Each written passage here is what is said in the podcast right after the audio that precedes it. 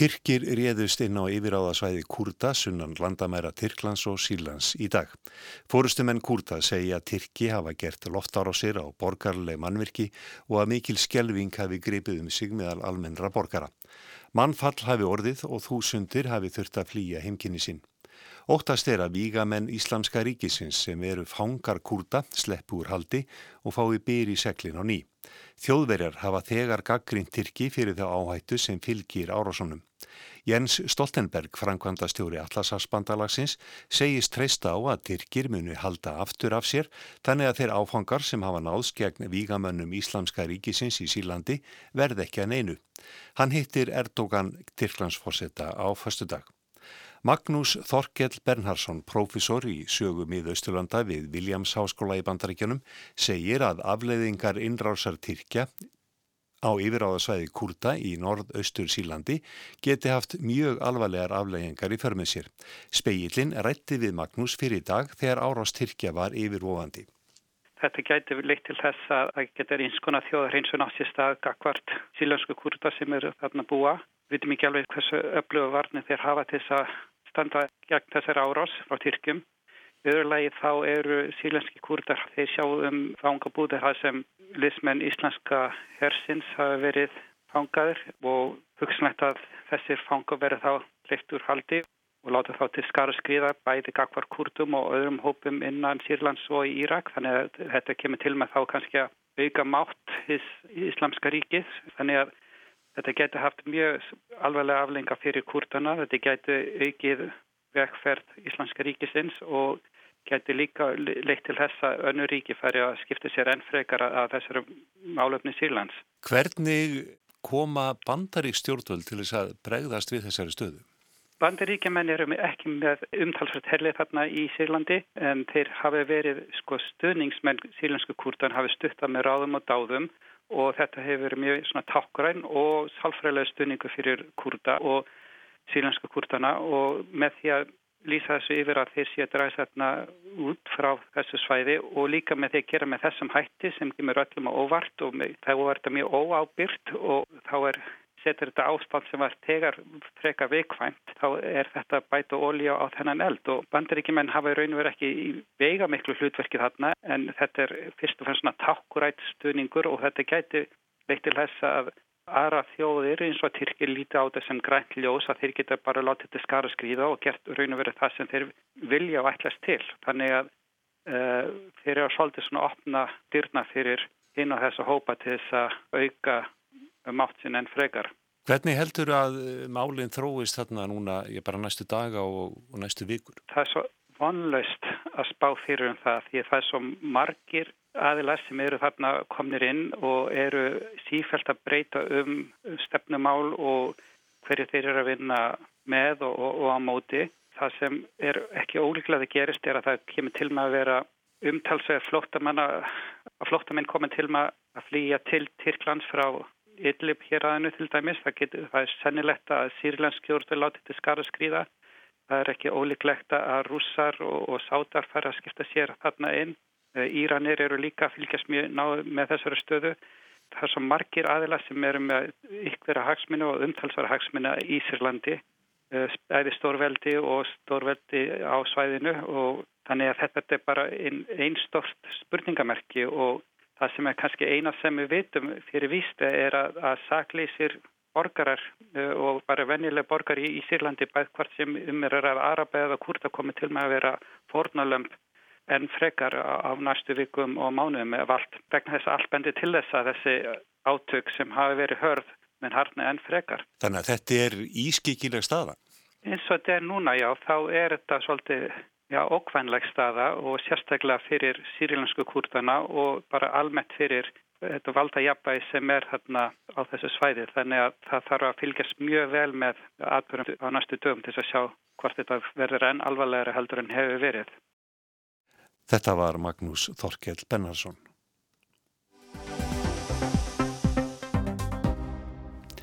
Atfinnu og nýsköpunar á þeirra upplýsti á alþingi að til skoðuna væri hvort máls með þeirri virkunar orku ætti að vera önnur en hefðbundina orkukosta, innan eða utan ramáallunar. Vindorkan var rætt á alþingi í dag.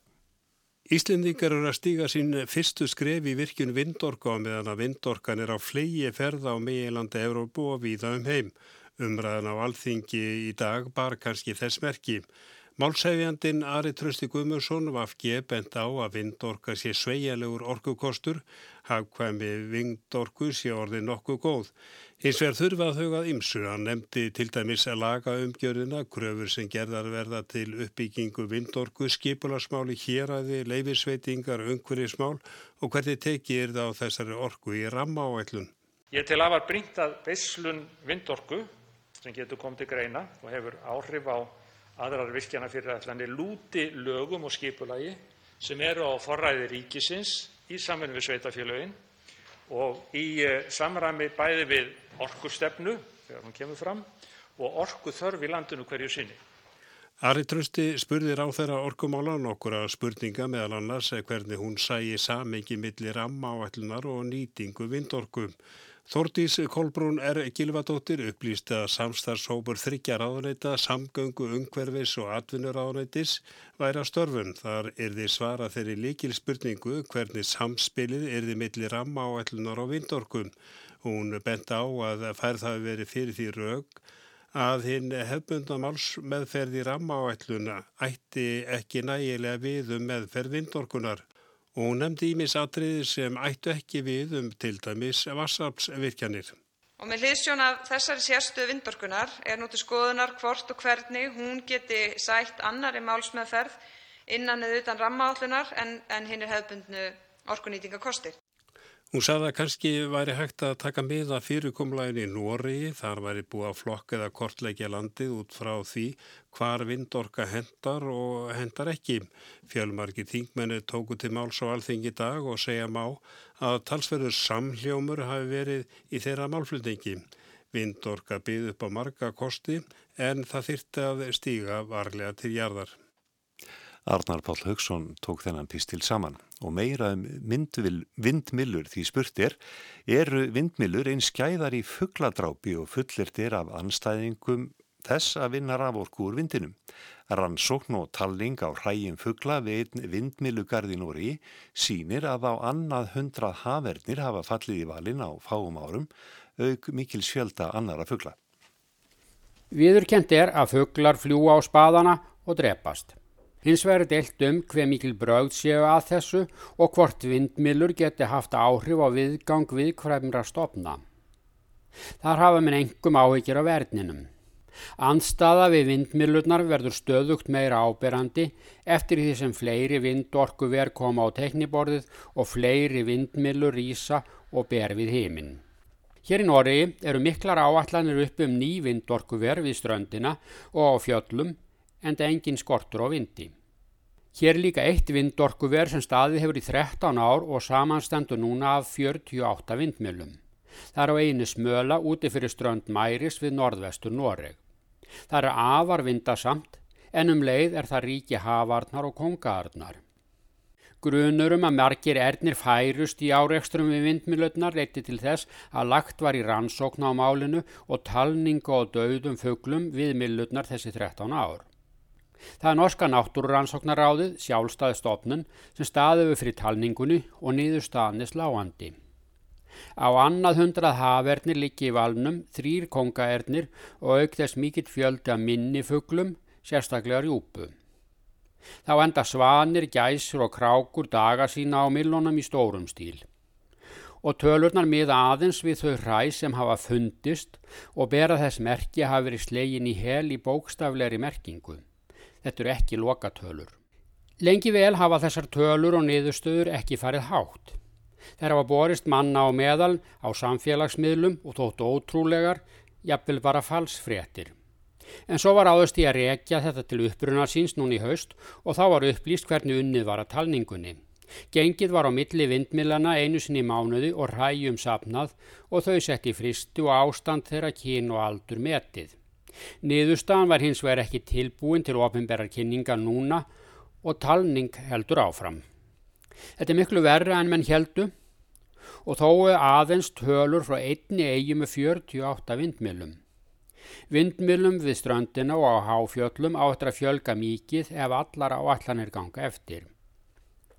Þegar þessa fyrstu vindmilu voru settar upp árið 2006 var því spáð að örnin myndi breyta flugleiðum sínum í samræmi við nýtilkomna hættu. Svo hefur ekki reynst. Örnin flýgur ekki bara fuglahæst, heldur líka alltaf sömu leiðina, kynnslóð eftir kynnslóð.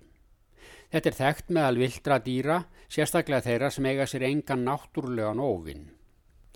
Í apríl í vor voru hrægin 96 og nú síðsumas er talan komin yfir hundrað. Þetta er sérstakt áhugjefni því örnin er alfríðuð og var á tímabili talin í útrýmingar hættu. Fyrir hálru öld voru aðeins 400 fugglar eftir, síðan hefur stopnin braggast verulega og núna er talið að ernir í Nóri sé um 2000. Stopnin er því ekki í bráðri hættu. Þá er á það bent að hættan fyrir fugglinn takmarkist við 5 km radíus út frá hverri vindmilu. Skaðin er því staðbundin. En rannsakandur hafa veitt í aðtegli að alltaf þegar reyðurstæði losnar og ábúð nærri vindmilunum koma nýjir fugglar og nálagum eigum og setjast þar að. Þeir lenda svo í hakkavélni eins og fyrri ábúendur. Næsta skref í máluninu núna er að koma niðurstöðun til stjórnvalda og bæta þessum andmælum við fyrri andmæli um hávaðamengun, sjónumengun og eigðilegging á landi þegar sprengt er fyrir nýjum vindorkuverum. Gísli Kristjánsson í Óslo saði frá. Þegar kemur að hagkerfinu eru litlar fréttir oftast góða fréttir og þannig er þá Íslandi um þessar myndir. Áhættan í hagkerfinu hefur aukist en aðeins lítilega og áföll eins og fall flugfélagsins vá hafa haft minni áhrif en búasmátti við. Þetta kom fram í morgun þegar skísla Sælabankans um fjármála stöðuleika var kynnt. Sigrun Davísdóttir rætti við Eggert Þórarinsson hjá fjármála stöðuleika sviðið Sælabankans í dag meðal annars um helstu áhættu þættina í íslensku efnagaslífi. Við teljum nú almennt sko að viðnámsdrátturinn í fjármálakerfinu sé mjög góður og, og áhættan sé vel innan hófleira marka enn sem komið er. En við tiltökum hann í rítinu sem við gáum út í morgun þrjá helstu áhættu þætti við nefnum hann stöðun í ferðarþjónstunni og síðan stöðun á markaði með bæði íbúðar og atvinnhúsnæði. Nú er náttúrulega orðið sviftingar í ferðarþjónustunni, heilt flugfélag horfiða markaði. Hvaða áhrif hefur það haft? Já, það má náttúrulega segja samt að ferðarþjónustunni hafi þrátt fyrir þessi áföll unnið svona hálgjara á varna sigur og teljum að svo áhætta sem byggðist upp í greinu og liðnum árum með gríðalögum vexti, hún hafi nú ekki að öllu leiti komið fram ennþá því að við sjáum að þrátt fyrir ja, mun minna sæti frambóð til landsins og mun færri ellenda ferðar sem koma til landsins þá er þessi samdráttur ekki endilega byrtast í fjölda gistináta eða í veldu ellendra korta hér á landi. Þannig að enn sem komið er, er samdrátturinn í ferðarþjóðustunum takmarkað við svona minni aðila sem hafa kannski orðið já, half hotreika í, í vextinum á síðust árum. Nú hefur uh, ljóslega ferðamunum fækkað en þeir sem koma hingað þeir eða meira en áður eða hvað? Já, það bendir maður til þess. Það bendir bæði til þess að, að þeir sem komi sér eða meira og að dvalatíminn sé einhverju leita lengjast sem skýri meiri eðslu að þeir dvelja lengur á landinu. En það er líka samspinn millir ferðarþjónustannar og fastegnumarkaðarins, ekki sett? Jú, einhverju leita er samspil og það hefur verið talsett samspil á síðustu árum af því að það hefur verið nokkuð vinsælt í einhverjum miðsvæðis og höfbruksvæðinu að leia út íbúrhúsnæði í skamtíma útlegu. Það hefur dreyið saman útlegan en hún er náttúrulega ennþá talsverð en, en það er jú samspil á milli ferðarþjónustun og íbúrhúsnæðismarkaðins og reyndir atvinnhúsnæðismarkaðins líka. Ferðar með kaupa hér heilmikla þjónustu, veitingastöðir og hótel og gisturím og fleira. Þannig að þetta er allt saman átengt í raun. Nú er verið að byggja hérna fylgt á hótelum, Þær byggingar framkvæmdir voru ljóslega skipulaðar þegar að aukningin var uh, fullu blúsi. Uh, nú fækkar uh, verður allt og mikið af uh, hótelrými til dæmis hér á höfuborgarsvæðinu.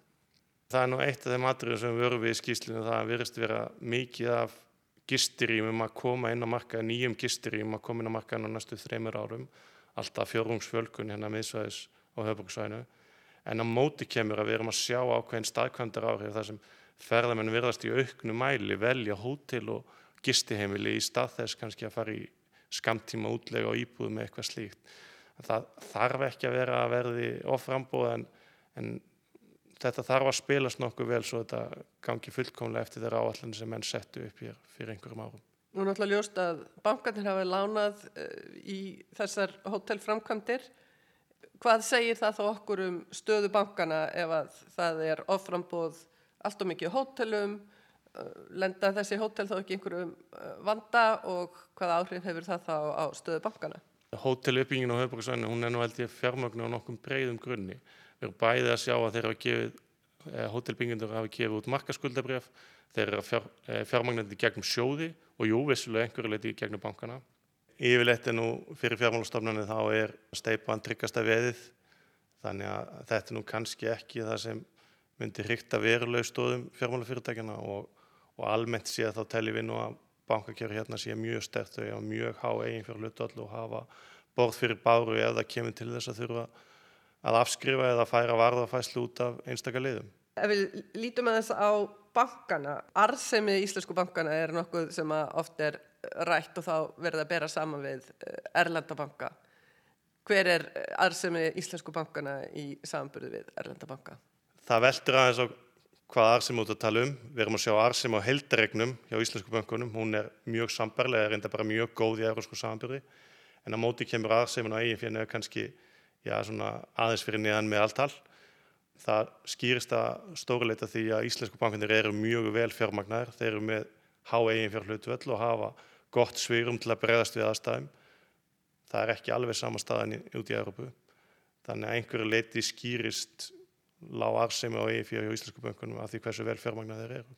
Finnið þið fyrir einhverjum þrýstingi frá böngunum um að lækka þessi eiginfár hlutull? Enn sem komið er eiginfár hlutullin á könnu fjármála eftirlitsins að mestu leiti en, en kannski eftir áramót þegar við erum búið saminastofnununa þá minnum við finna fyrir því. Taland um banka, uh, viðskiptavinnir bankana uh, hvarta gætnan yfir háum vöxtum og, og hátt vakstasti á Íslandi hefur verið til umræðu skila vakstalækkanir sér nóg rætt út til viðskiptavina? Já, við erum að sjá sko að lækkanir á meginvextu og sælabankans hafa skila sér mjög fljótt út í markasvexti. Bankanir hafa líka lækka sína vexti en það verður að hafa í huga að svýrum bankana til vakstalækkana er einhverju leiti takmarkað.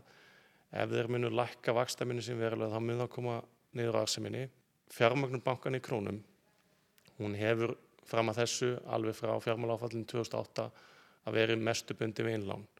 Þannig ef bankanir er að skila vakstarleikunni beint út í útlán þá mun það koma fram í læri innlánsvöxtum og það er leiðandi læri ávöxtun fjármálsegenda. Bankanir hafa fram að þessu farið svona bilbeggja þegar hafa skila vakstarleikunni einhverju leiti og okkur sínist nú að vakstarleikunna sé að miðlast okkarlega út í útlánavexti en það er misjant eftir lánaflokkum kannski betur í betur veðtrið útlán eins og húsnæðislán og kannski minna út í neyslulán eins og yfirdrátt.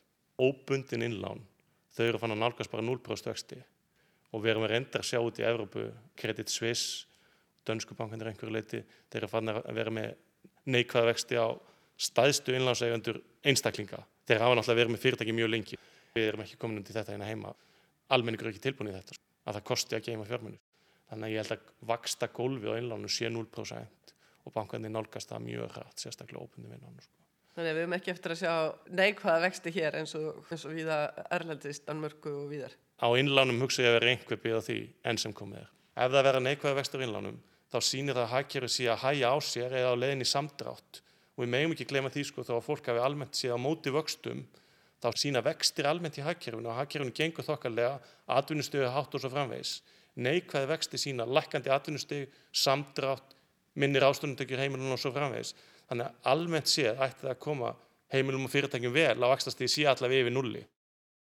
Þetta var ekkert Þótt Þórainsson, Sigrun Davíðsdóttir, rætti við hann.